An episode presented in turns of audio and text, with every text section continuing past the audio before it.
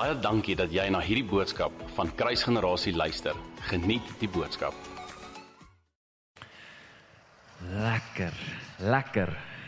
Hallo julle. Ek hoop dit gaan goed met elkeen van julle. Dis uh dis so lekker vir my om vanaand hier so by julle te wees. Ek moet vir julle eerlikwaar sê, ek het so 'n bietjie so 'n bietjie nerves vanaand. Ek um ek was twee twee sondae nie hier nie en uh ek voel soos ek voel soos 'n lidmaat. Ehm um, is goed om terug te wees en uh, ons het regtig 'n goeie tydjie gehad was vir ons nodig om 'n bietjie weg te breek. En ehm um, ek het ietsie ek het iets op my hart wat ek met julle wil wil deel vanaand. Ek hoop jy's reg en ek hoop jy's reg vir die woord. Ek hoop jy's gemaklik. Is jy alright? Is almal van julle okay? Was uh ek het so nou nou toe ons hallo sê, toe voel ek so styfheid hier in die kamer. Ek weet nie hoekom nie. Uh kan ek dalk net vra meneer die klankman, kan jy so kan jy vir 'n oomblik gou ligte man speel en hierdie ligte net so bietjie dim asseblief. Want hier is mooi mense voor my en ek kan hulle nie sien nie. En ek wil graag uh, ek wil graag hulle sien as as dit is daar nog 'n opsie vir nog nog af. Kan jy dit op 30% sit? Uh, nee, nee, dis af af. OK, dan dan verstaan ek. OK, kom ons los dit dan so. Great stuff. So, weet jy dat die Here 'n sin van humor het? As jy dit nie weet nie, kyk na die persoon langs jou. Die Here het 'n sin van humor. Anyway, ek wil gou iets met jou met jou deel en jy is welkom om jou jou woord oop te maak saam met my en en selfs asseblief ons wil altyd hê jy moet notas neem terwyl ons besig is om te bedien. Um eerstens sodat jy dit kan onthou en terug kan gaan en tweedens sodat jy ons kan opcheck en nie net alles glo wat die ou sê wat hier agter hierdie kansel staan nie. Vir een of ander rede het dit 'n ding geword in die kerk dat uh wie ook al hier staan en die mic vashou, ons glo wat hy sê en wat ook al hy sê is wet en en uh, dan is ook klomp kokkenol goeters wat uitkom. So uh, asseblief gaan check ons op en gaan lees die goeters vir jouself ook. Romeine 8 vers 11 is 'n skrif wat jy behoort te ken. As ek dit lees, sal jy dalk weet. Jy het dit hier, jy het hierdie al gehoor. But if the spirit of him who raised Jesus from the dead from Yep. Dis nie reg nie. Sien, daarso kon jy my nou gecheck het. Who raised Jesus from the dead dwells in you. He who raised Christ from the dead will also give life to your mortal bodies through his Spirit who dwells in you. If the Spirit of him who raised Jesus from the dead dwells in you. Weet, weet jy dat hierdie skrif vir jou genoeg moet wees om uh vir ewig in oorwinning te kan leef? Dat die Gees wat Jesus Christus uit die dood uit opgewek het binne in jou leef dat net hierdie skrif wat waarheid is, want dit is deur God ingegee. Dat net hierdie skrifgedeelte vir jou genoeg moet wees om vir ewig in oorwinning te leef. Maar vir een of ander rede in die kerk van vandag en ons is 'n Pinkstergemeente wat beteken dat ons is veronderstel om lief te wees vir Heilige Gees en die werke van Heilige Gees en alles is gegrond rondom dit wat Heilige Gees wil doen vir 'n die diens. Maar praat van die globale kerk. Vir een of ander rede het ons begin skaam word vir wie Heilige Gees is. En dit ons begin vergeet wat hy gedoen het en wat hy steeds doen en wat hy môre gaan doen. En dit is tyd dat ons as kerk weer onthou en herinner word aan wie Heilige Gees is, weet jy dat die Gees wat Jesus Christus uit die dood uit opgewek het in jou bly. As dit nie vir jou revelation is nie, dan kyk kom ek probeer jou help.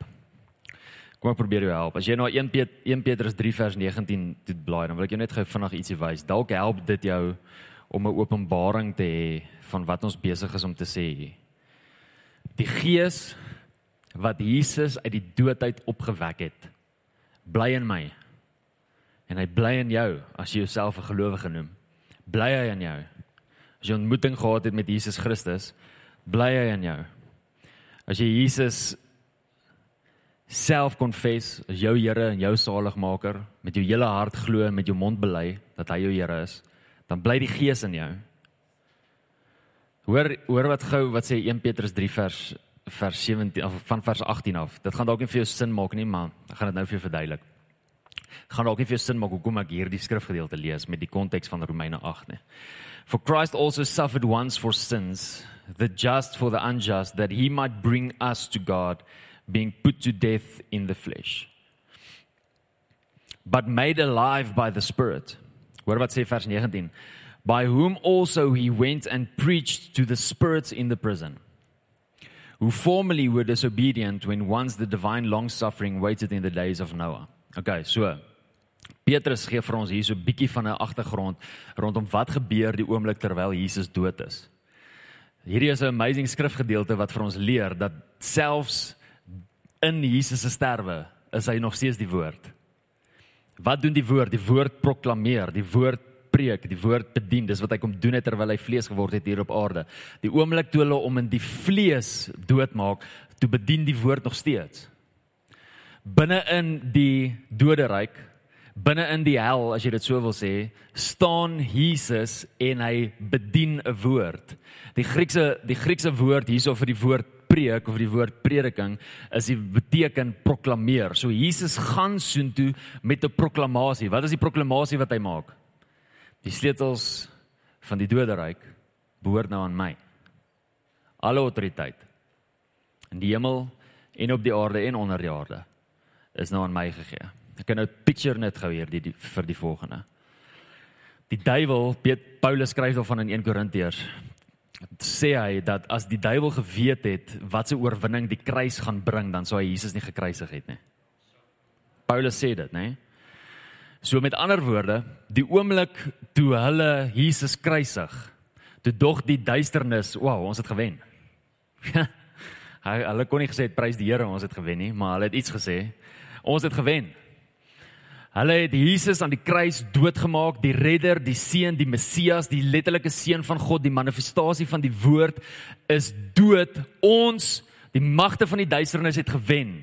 En hier kom Jesus binne in die poorte van die doderyk en hy maak 'n proklamasie: Alle autoriteit in die hemel en op aarde en onder die aarde is aan my gegee. En ewe skielik slatte realiteit hierdie ouens binne in die doderyk.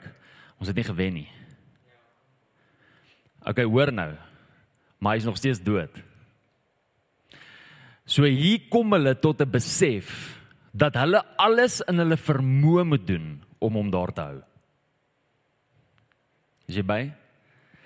Die duisternis besef, hulle moet alles in hulle vermoë doen om Jesus in die graf te hou. Want die oomblik wanneer hy opstaan dan is dit letterlik the nail in the coffin. Dan is dit letterlik ek het dis nou volbring. Paulus skryf daarvan in 1 Korintiërs. Hy sê dat as Christus nie opgestaan het nie te vergeef ons geloof. Dit gaan alles oor die opstanding. Ons dink dit gaan oor die kruisiging. Nee die kruisiging was deel van dit alles. Dit gaan oor die opstanding. As Christus nie opgestaan het nie te vergeef ons vir ons geloof En hier kom die magte van die duisternis en hulle weet, hy het nou net 'n proklamasie gemaak. Hulle weet, ons moet hierdie man in die graf hou. En hier kom die gees van God. En hoor, hierdie hierdie is hoekom hierdie so profound is. Dieselfde gees wat Jesus Christus uit die doodheid opgewek het, leef binne in jou. Hierdie skrifvers is genoeg vir jou om vir ewig in oorwinning te leef. Hoor hier, hoor hier. Die oomblik toe hulle dit weet, toe het die volle mag van die duisternis. Ek weet jy dink jy's special. Maar ek kan jou beloof dat die volle mag van die duisternis nog nie teen jou opgestaan het nie. Dalk een die mooi maatjie, dalk het hy weggegaan en sewe gaan terugroep en dalk was hulle 8. Dalk 'n principality, dalk 'n owerheid, dalk 'n mag. Dalk Satan self. Dan nou. Maar kan jy beloof die volheid van die mag van die duisternis het nog nie teen jou opgestaan nie. En hier is Jesus binne in die graf en die volheid van die mag van die duisternis probeer hom in daardie graf hou. En hier kom die gees van God. En hy blaas oor Jesus en Jesus staan op. En daardie gees wat die volheid van die mag van die duisternis nie kon keer nie, leef in jou. As dit Jesus nie daar kon keer, as dit as dit die Heilige Gees nie daar kon keer die volheid van die mag van die duisternis. Hoekom dink ons dat die berg voor ons of die omstandighede voor ons of dit wat kom die reg het om ons te keer? As die Gees leef in jou. Ag Here, maak die mense wakker. Dit was nie my preek nie, dit was net iets ekstra. So ja, ek het daaraan gedink terwyl ek gehoorship het, kom dit by my. Anyway, ek wil graag iets met julle deel vanaand en dit wat ek met julle wil deel het actually te doen met Heilige Gees. So dit sluit so mooi in teenoor dit wat dit wat die Here nou net in my hart gedruk het. Kan kan julle saam met my begin in Eksodus 13? En die oomblik as ons klaar is met Eksodus 13, gaan ons eintlik gaan stil staan in Matteus 3. En ons gaan die hele Matteus 3 lees. En moenie skrik nie, dis nie lank nie. Ek dink is 14 verse. Baie kort hoofstuk in Matteus. Ons gaan die hele Matteus 3 doen en daar's 'n rede hoekom ek eers stil staan in Eksodus 13. Ek wil lees vanaf vers 21. Um maar ek gaan nog nie vir julle sê hoekom ons hier lees nie. OK, ek wil net hê hierdie moet so lank in jou gees drop. Weet jy dat jou gees baie makliker waarheid verstaan as wat jou verstand doen? As wat jou siel doen. Weet jy dat die waarheid van God ontvang jy eers in jou gees, jou geesmens voordat dit ooit gekan kommunikeer word binne in jou sielsmens? Jy weet dat ons bestaan uit 3 dele uit: gees, siel en liggaam. En die oomblik wanneer God se gees kom en waarheid bedien aan elke een van ons, dan kom sy waarheid binne in ons gees in. Ons gees ontvang dit en dit vat partykeer 'n rukkie vir ons siel om te begryp wat ons gees nou net erf, erf, ervaar het. En dis hoekom ek so lank hierso wil begin. Eksodus 13 vers 21. And the Lord went before them by day in a pillar of cloud And the Lord went before them by day in a pillar of cloud to lead the way, and by night in a pillar of fire to give them light, so as to go by day and night. To go by day and night. Vers 22 He did not take away the pillar of cloud by day or the pillar of fire by night from before the people. Okay.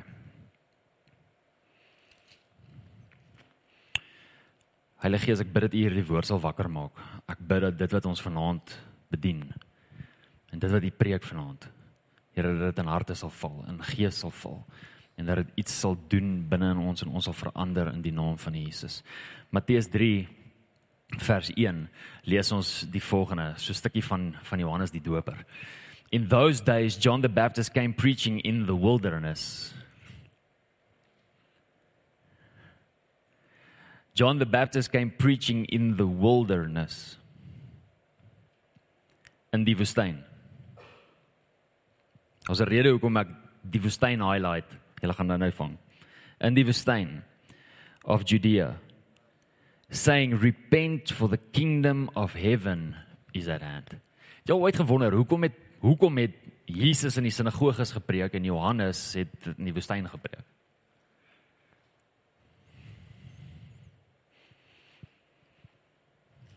Hoekom het hoekom het Johannes in die woestyn gaan preek?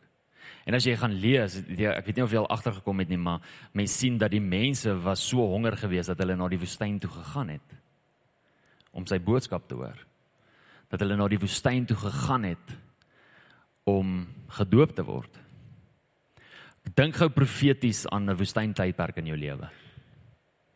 Elke een van ons wat hier so sit vanaand was al deur so 'n tydperk. 'n Tydperk waar jy deur iets moeiliks gaan. Iets gaan wat jy nie verstaan nie. Iets gaan wat jou verstand te bowe gaan. Iets iets iets wat uh, dis 'n rowwe tydperk. Dit voel vir jou of die Here ver is. Dit voel of jy of jy iets gemis het. Dit voel vir jou of die Here jou straf. Daar daar's 'n woestyntydperk. Ons almal kan daarmee relate. Elke een van ons. Hoor gou hier. Partykeer het ons 'n woestyntydperk nodig om juist te hoor wat God sê. Nou nou hoor mooi, ek sê nie God veroorsaak die woestyn nie. Dis nie wat ek sê nie. Maar hoor hierso. Partykeer het ons 'n woestyntydperk nodig om te hoor wat God sê. Johannes die Doper het juis in die woestyn gaan bedien, juis in die woestyn gaan preek. Dit was profeties gewees vir wat gebeur het in die Ou Testament waar die volk uit Egipte uitgelei is binne in 'n woestyn in. Wie veel weet dat dit nodig was vir die volk om eers in die woestyn in te gaan voordat hulle in die beloofde land moes ingaan? Daar moes daar moes eers 'n proses gewees het, daar moes eers 'n groei gewees het, daar moes eers 'n gedagteverandering gewees het. Hulle moes eers reg wees om in die beloofde land in te gaan. As hulle direk uit Egipte uit in die beloofde land ingegaan het, sou hulle die beloofde land verloor het. Hulle het die woestyntydperk nodig gehad. Johannes kom en hy bedien binne in die woestyn want die volk op daardie stadium is so godsdienstig, so vasgevang in hierdie religious mold en hierdie religious groef van hoe dinge gebeur dat hy nie in hulle sinagoge kan staan en preek nie want hulle sal dit nie vang nie. Hy het nodig om hulle uit hulle omstandighede uit te kry binne in die woestyn in sodat hulle kan hoor wat God sê. Soms het ons nodig om uit ons omstandighede, uit ons comfort zone uit, uit ons normale manier van dink, uit ons normale manier van operate uit te kom sodat ons juis kan hoor wat God sê. Want ons minds is so vasgevang, so in die groef, so in die normale van dis hoe ding werk, dat die oomblik wanneer ons in 'n woestyntydperk is en ons juis hierdie vraag het van hoekom gebeur hierdie? Hoekom het hierdie nou net gebeur? Hoekom het die Here hierdie toegelaat? Hoekom gaan ek nou deur hierdie? Die oomblik wanneer ek daardie vrae vra, maak ek my mind oop om buite die mold te dink van waarna ek gewoond is om letterlik te kan hoor wat God kan sê. Ons het 'n woestyntydperk nodig. En Johannes kom en hy bedien binne in die woestyn juis omdat dit wat hulle glo, die groef van godsdienstigheid, hulle hulle, hulle nie gaan kry waar hulle veronderstel is om te kom nie. Daarom kom hy in die woestyn en sy boodskap is eenvoudig: Repent for the kingdom of God is at hand. Die woord repent, weet julle nou al is die woord metanoia, om jou gedagtes te verander. Met ander woorde, Johannes kom en hy sê vir hulle, luister, hier's there's something that you're going to obtain. Daar's iets wat jy gaan kry. Hier's iets waarna jy gaan instap, maar jy kan dit nie instap met die gedagtegang wat jy nou het nie. Hy roep hulle uit dit uit. Ek glo met my hele hart dat hierdie woorde repent for the kingdom of God is at hand is 'n woord wat die kerk vandag moet hoor. Want die kerk het in 'n groef ingeval van hoe hulle dink 'n ding moet wees, van hoe hulle dink godsdienstigheid lyk, van hoe hulle dink die kerk moet lyk, van hoe hulle dink God optree en hoe God moet dink en hoe God is, dat ons nooit gaan ontvang wat God wil doen in hierdie tydperk as ons nie op 'n plek is waar ons gaan repent nie, ons gedagtes gaan verander nie. As jy 'n studie gaan doen oor herlewing, dan sien jy herlewing het nog nooit gebeur as daar nie eers repentance was nie. Nog nooit nie.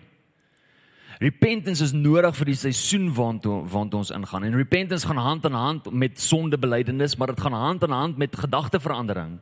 Dis nie net sondebelydenis nie. Dit gaan oor om nie te dink soos wat ons gedink het nie.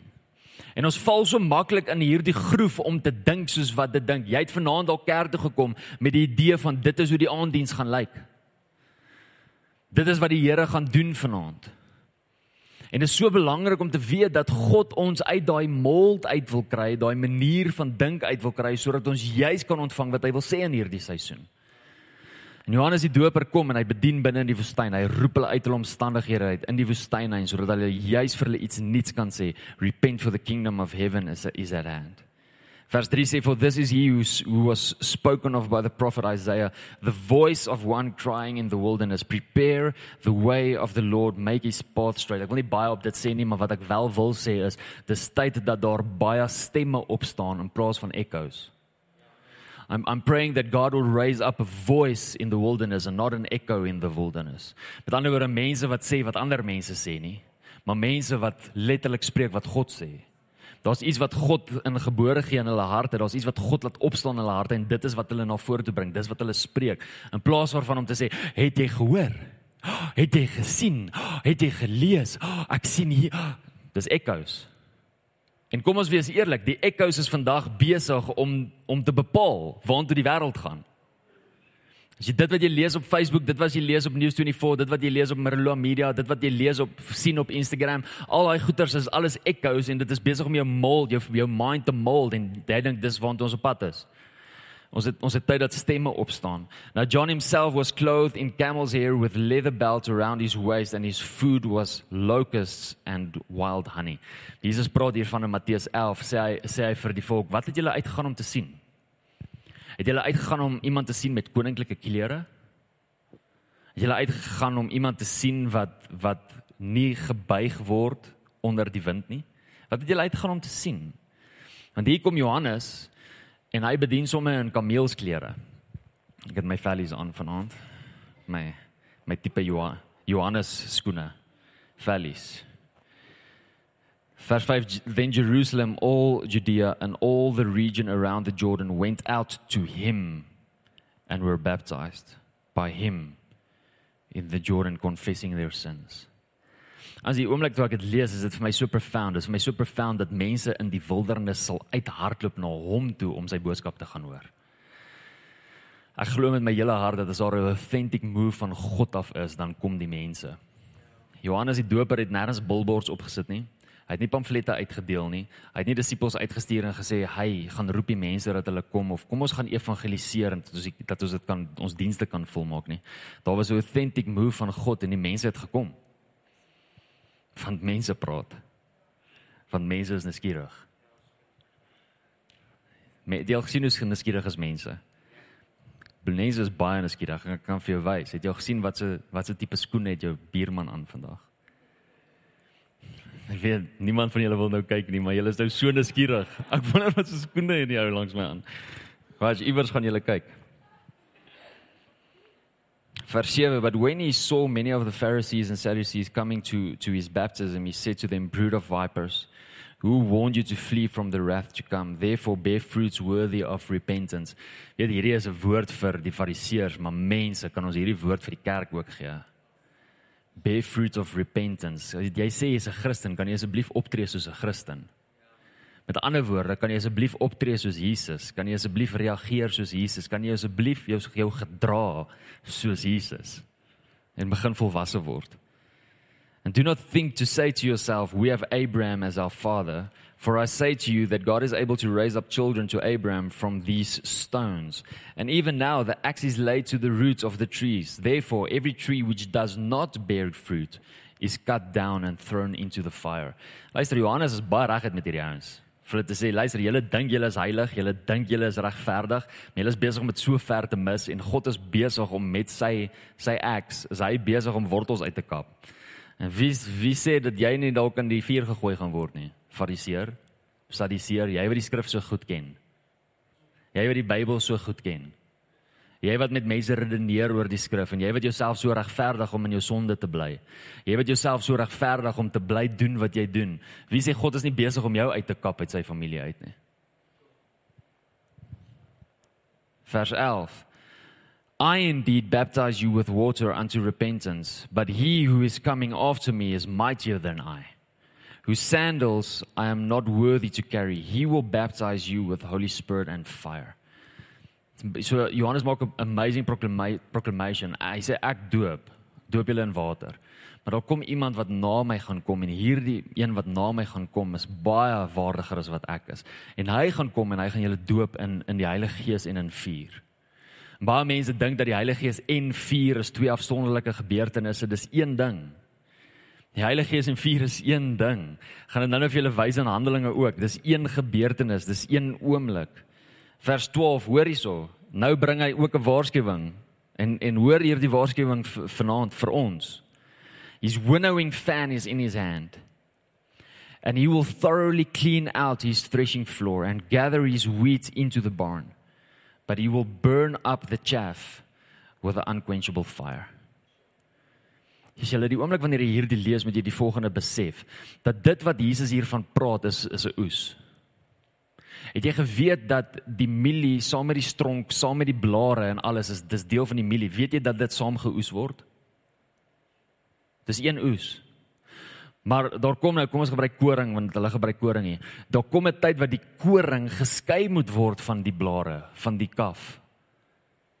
En die oomblik die manier hoe hy dit doen is met sy winnowing fan. Hierdie winnowing fan is 'n profetiese prent van die Heilige Gees wat kom blaas. So in die Ou Testament net om jou 'n prentjie te gee, ek weet baie van julle weet dat ek oor communicate net. In die Ou Testament het hulle geoes, hulle het die koring gaan kry, hulle het geoes, hulle het dit begin stikkend maak en dan het hulle 'n net gehad waarin hulle die die koring gesit het saam met die blare en al die goeters en iemand het gestaan met 'n winnowing fan. Dis so groot fan, amper soos het julle al gesien die konings, dan staan 'n prinses of 'n diensknegt of wie en dan waai hulle die koning sodat die koning nie nie warm kry nie, so ding. So ding staan hulle daarby en dan vat hulle dan gooi hulle die koring in die lug en die persoon met die winnowing fan blaas sodat die die blare die kaf kan wegblaas en die koring wat swaar is net weer in die net val. Dis hoe hulle dit geskei het van mekaar af en Jesus kom hier en hy sê luister dit is wat ek gaan doen. Ek wil vir julle die volgende sê, hierdie is een oes. Met ander woorde, daar's mense in die kerk wat kaf is. Daar's daar's gelowiges wat kaf is. Daar's gelowiges wat dink hulle is gered. En hulle is nie gered nie want hulle ken nie vir Jesus nie. Hy sê maar ek ken vir Jesus. As jy vir Jesus ken, dan doen jy wat Jesus sê. Dis wat die teken is van om hom te ken. Want as jy hom ken, hoor jy sy stem en as jy sy stem hoor, dan is jy gehoorsaam aan dit wat sy stem sê. Dit is wat beteken om Jesus te ken. En as jy dit nie doen nie, kan jy van hierdie kaf wees wat geskei gaan word van die koring. Maar terug na vers 11 toe. Johannes die Doper sê ek doop in water, maar iemand na my kom en hy gaan hulle doop met die Heilige Gees en met vuur. En dan lees ons in vers 13 Daar was 17 verse in Matteus 3. Ek het vir julle gejok. sien julle hoe belangrik is dit om neer te skryf? Ek het gesê 14. Dan dan kom die gedeelte waar waar Jesus gedoop word. Vers 13, hoor jy? Then Jesus came from Galilee to John at the Jordan to be baptized by him. And John tried to prevent him saying, "I need to be baptized by you, and are you coming to me?" But Jesus answered and said to him, "Permit it to be so now." For thus it is fitting for us to fulfill all righteousness and then he allowed him. Nou ons ons maak baie keer die fout en hoor my ek, ek dink nie ek dink nie dis verkeerd nie maar ek dink is verkeerd om op net dit te hamer. Kom ek verduidelik. Ons maak elke keer die fout om te dink dat die oomblik toe Johannes hierdie sê, Here u u kom om deur my gedoop te word, maar eintlik moet ek deur u gedoop word. Die oomblik wanneer ons dit lees, dan dink ons dat dat Jesus is waardiger as wat Johannes is en dis hoekom Johannes dit sê. En dis nie noodwendig verkeerd nie, maar ek dink nie dit is wat Johannes hier hier bedoel nie. Wat Johannes eintlik hier bedoel is, is Here, ek het nodig om gedoop te word deur die doop wat U bring. U u ek doop in water, maar U kom om te doop met die Heilige Gees en met vuur. Ek het daai doop nodig. Dis wat Johannes hier sê. Hy sê ek het daardie doop nodig. Ek het nodig om gedoop te word met Heilige Gees. Ek het nodig om gedoop te word met vuur sodat ek kan doen wat U wil hê ek moet doen. Vir my is dit een van die mees profound statements. Weet jy dat die woord van God in Matteus 11 kom Jesus en hy sê dat daar nog nie een profeet was soos Johannes nie. Nog nie een profeet soos Johannes nie. So hier is van al die profete volgens Jesus die mees awesomeste profeet. En hy sê, Here, ek het u doop nodig. Ek het nodig om gedoop te word met die Heilige Gees. Ek het nodig om gedoop te word met vuur. Nou hoor hierso kerk. As Johannes die doper die nood gesien het om gedoop te word met die Heilige Gees en met vuur, hoekom is Christene so reluctant om gedoop te word met die Heilige Gees?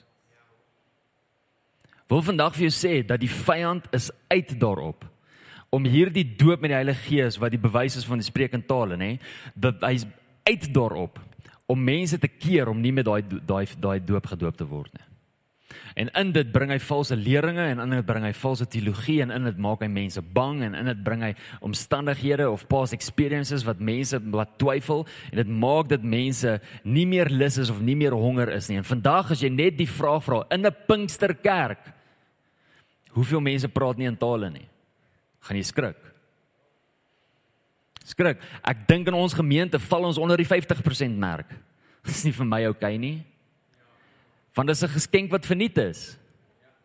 Dis nie asof daar 'n kriteria is nie. Dis nie asof jy moet qualify vir dit nie. Jy hoef nie 'n toets te slaag en 80% te kry en dan kan jy dit kry nie.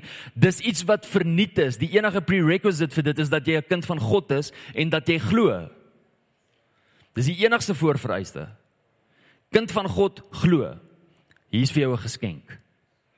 Hier's iets wat Johannes die Doper wou gehad het. Maar die kerk van vandag wil dit nie hê nie. Dis vir my skerry.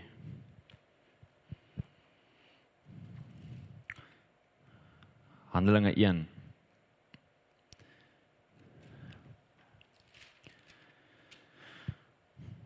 Jesus Kom ons lees. Handelinge 1 vers 4 lees ons and being assembled together with them dis nou Jesus om met al sy disippels he commanded them not to depart from Jerusalem but to wait for the promise of the father which he said you have heard from me. Hoor wat sê hy?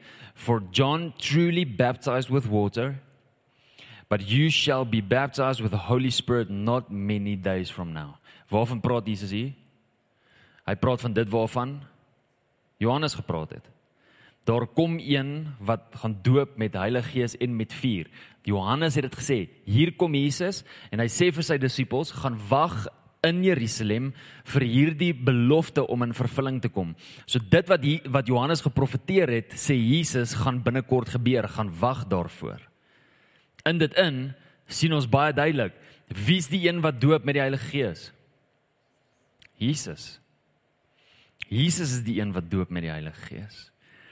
Jesus is die een wat jou met die Heilige Gees en met vuur wil doop, met ander woorde vir jou daardie amazing gawe wil gee.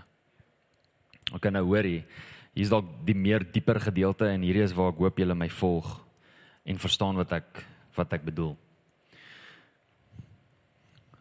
Eksodus 13 vers 21 is hulle in die woestyn. En daar's 'n wolk wat hulle volg in die dag. En daar's vuur wat hulle volg in die nag in die woestyn. Hierdie is my oortuiging en is my opinie dat hierdie profeties was vir die Heilige Gees uitstorting in die Nuwe Testament. Wat toevold is. Ons ontvang die Heilige Gees toevold. Eerstens, die oomblik wanneer ek 'n kind van God is. Kom ek gaan eers terug na na Matteus 3 toe, sorry. Ek backtrack. In Matteus 3 sien ons dat Johannes in die wildernis is. Waar was die Israeliete? In die wildernis. En terwyl hy in die wildernis is, maak hy 'n verklaring. Hy sê ek doop met water. Wat is 'n wolk? En dan sê hy maar daar kom een wat doop met vuur. Wat was in die aand? A pillar of fire. Jy weet jy hy sê nie daar 'n wolk van vuur nie. A pillar of fire. So Johannes kom hier en hy praat profeties van die Heilige Gees. En die oomblik wanneer ek tot wedergeboorte kom en ek en ek en ek word 'n kind van God, dan kom woon Heilige Gees binne in my. Hy maak my gees lewendig en nou kan ek in kommunikasie wees met God. Julle verstaan dit so, nê? Efesiërs 2 vers 1 sê Paulus, julle was dood gewees as gevolg van julle sonde, maar nou is julle lewendig as gevolg van Christus Jesus. Met ander woorde, die oomblik wanneer ons aan hom glo, word ons gees wat dood is weer lewendig gemaak van die Heilige Gees wat binne in ons kom woon. Paulus kom in 1 Korintiërs 12 vers 13 en hy sê dat dieselfde Gees, die, hy praat van die Gees van Jesus, het ons gedoop deur ons is gedoop deur die Heilige Gees binne in die liggaam van Christus in. Met ander woorde, daar's 'n doping wat plaasvind. Waarmee het Johannes gedoop? Water. Hæ? Daar's 'n doping wat plaasvind. Ons word gedoop deur die Heilige Gees binne in die liggaam van Christus in. Met ander woorde, die oomblik wanneer ek 'n kind van God is, die oomblik wanneer ek 'n gelowige is, dan kry ek my posisie in God se liggaam. Ek is nou 'n hand, ek is nou 'n mond, ek is nou 'n oor, ek is nou 'n neus, ek is nou 'n galblaas of wat ook al jy wil wees. Ons het ons het van hulle. Ongelukkig. Maar dan is daar 'n tweede doop. En dis die doop met die Heilige Gees waarvan ons nou net gelees het in Handelinge 1 vers 8. Julle sal krag ontvang wanneer die Heilige Gees oor julle kom. Maar Jesus kom en hy sê in vers 5, hy sê gaan wag gaan wag, nê, nee, sodat jy met die Heilige Gees gedoop kan word, geklee kan word. So twee dope. So die Ou Testament in in Eksodus 13 vers 21 is 'n profetiese simbool van die Heilige Gees uitstorting en hoe die Heilige Gees ons as gelowiges gaan affekteer. Eerstens word jy kind van God die oomblik wanneer jy tot wedergeboorte kom en die Heilige Gees kom woon binne in jou. Jy het die Heilige Gees, kind van die Here. Jy het die Heilige Gees. Maar wie van julle weet dat Jesus 'n begeerte het dat jy die tweede sarsie, die tweede porsie, die tweede level, die tweede ek weet nie hoe om nog dit vir jou te verduidelik nie, dat daar nog meer is, daar's iets meer van Heilige Gees wat hy vir jou wil gee, wat hy vir jou wil indeponeer en dit is die doping met die Heilige Gees en dis die vuur waarvan hy praat. God se koninkryk het nodig dat kinders van die Here gedoop is met die Heilige Gees sodat ons getuienis kan wees tot in die uithoeke van die aarde. En ek is vas oortuig dat baie min kinders van die Here is vandag getuienisse omdat hulle nie gedoop is met die Heilige Gees nie.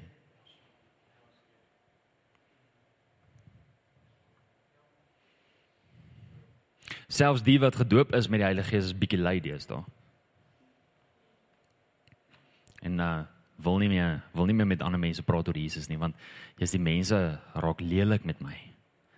Jy weet nie en die mense jy weet hulle hulle skuif my uit en en hulle dreig my selfs met prokureurs. Shame. Ai arme jy. So dit klink verskriklik. Ek is seker Jesus het gesê dat ons vervolg gaan word vir sy naam. En inteendeel, as ek nie vervolg word vir sy naam nie, dan is dit dan beteken dit dalk is ek so 'n bietjie skaam vir sy naam. As ek nie bereid is om iets te sê nie, as ek nie bereid is om op te staan vir die waarheid nie, en hoor my kind van die Here, as dit tyd is om op te staan vir die waarheid, is dit nou. Weet jy wat 'n nonsens is daar wat nou opstaan? Ek sê vir ons bidders donderdag aand, sê vir hulle en ek gaan dit prontuit sê en as jy nou offense vat, bid ek dat die Heilige Gees jou kon convict in plaas van dat jy offense vat. Maar weet jy net dat dat 20 jaar terug, kom ons maak dit meer. 30 jaar terug was dit 'n sonde in die kerk om saam te bly voordat jy getroud is. 30 jaar terug. In vandag se tyd Nee, dis maar oukei. Okay. Dis mos maar dis mos maar hoe dit is nou en jy weet die wêreld het verander en ag ons kan dit nie bekostig om alleen te bly nie. So ons het nodig om saam te bly. En jy weet mos hoe kan die mense hulle self regverdig vir dit? Dit is so dit is so maklik om dit te doen. So dit het dit het aanvaarbaar geraak want almal doen dit. En omdat dit aanvaarbaar geraak het vir die kerk, dit is nog steeds sonde omdat dit aanvaarbaar geraak het vir die kerk, kom die volgende nonsens en steek kop uit uit die kerk. Soos byvoorbeeld, dis oukei okay as jou kleintjie nou besluit of hy nou 'n dogtertjie of 'n seentjie wil wees. Nee, dit raak nou oukei okay in die kerk. En as iemand soos Heinz Winkler daaroor iets sê, dan word hy uitgehaal en dan word daar 'n petisie teen hom opgetrek. My magtig, ek weet nie wat is fout met ons land nie iemand het die guts om iets te sê en dan is gelowiges. Jy weet dit was Christene gewees wat 'n petisie teen hom optrek vir die feit dat hy die waarheid praat. Come on kerk. Dit is belaglik. Dis tyd dat ons opstaan vir waarheid. En as ons skaam is, gaan ons nooit in waarheid leef nie.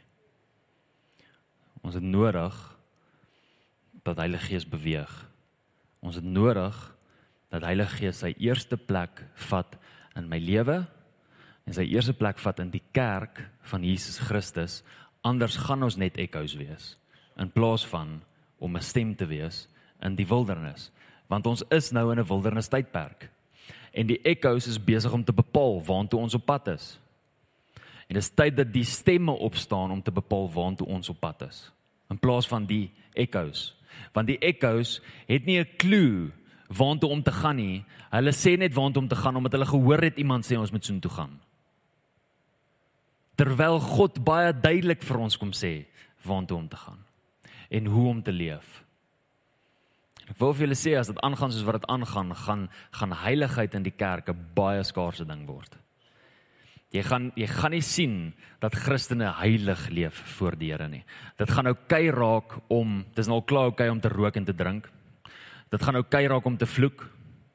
Dit gaan nou kei raak is nou al klaar okay om saam te bly. Gaan nou kei raak. Dit gaan nou kei wees om om 'n lesbien te wees. Dit gaan nou kei wees om gay te wees. Dit gaan nou kei wees om om transgender te wees. Dit gaan nou kei wees om my geslag te wil wil verander.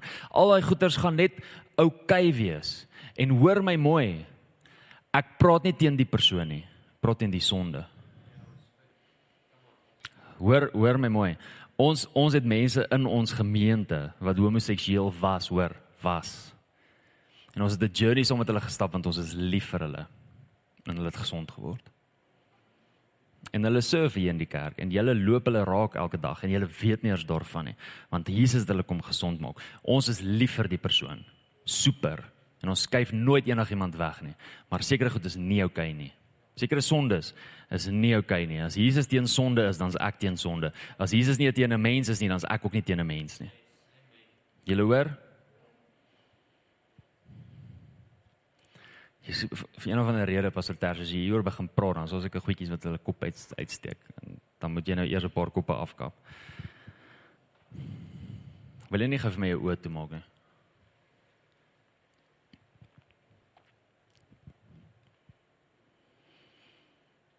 Heilige Gees, ons het U so nodig. We need you, Lord. We need you to blow. We need you to move. We need you to bring truth, Lord. Bring truth, Lord. Here as dit vir Johannes so belangrik was om hierdie doop te ontvang. Wat die apostels ontvang het toe hulle in daai bo vertrek was. Ja, Here, hoe hoeveel te meer moet dit nie vir ons belangrik wees nie. En dis wat ek bid, ek bid dat hierdie begeerte, hierdie passie sal opstaan in die kerk. En jy sal besef in die tye waarin ons leef, het ek die Heilige Gees nog meer nodig nodig as ooit. I need this boldness. I need this power. I need the Holy Spirit to empower me. I need the Holy Spirit to speak through me. I need the Holy Spirit to touch me and to lead me into all truth.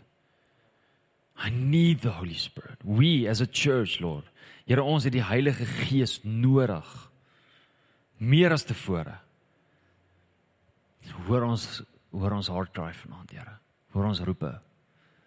Heilige Gees kom.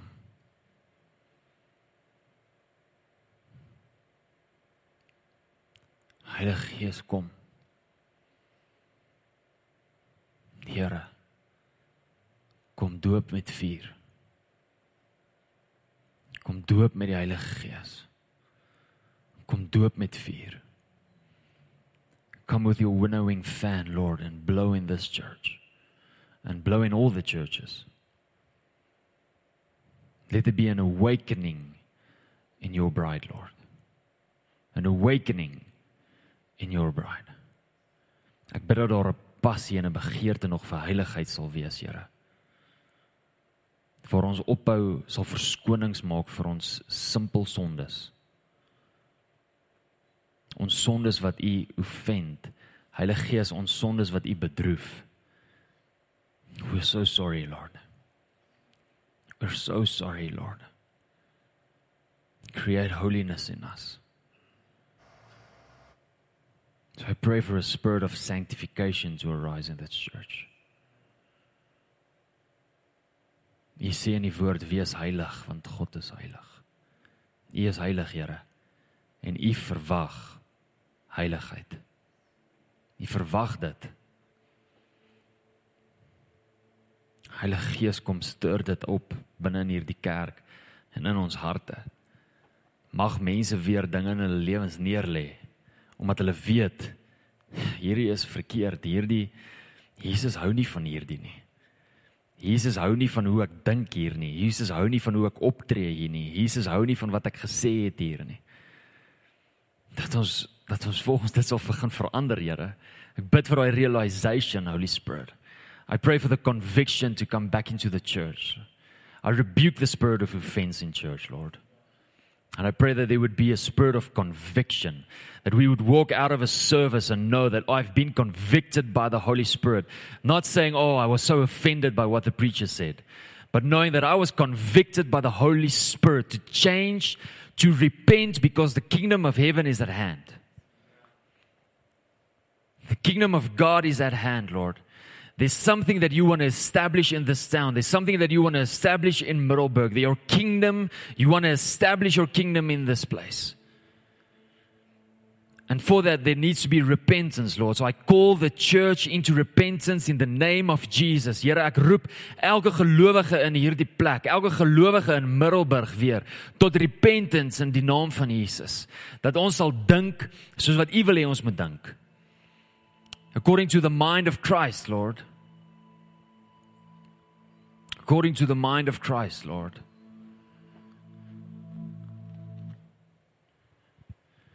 According to the mind of Christ, Lord.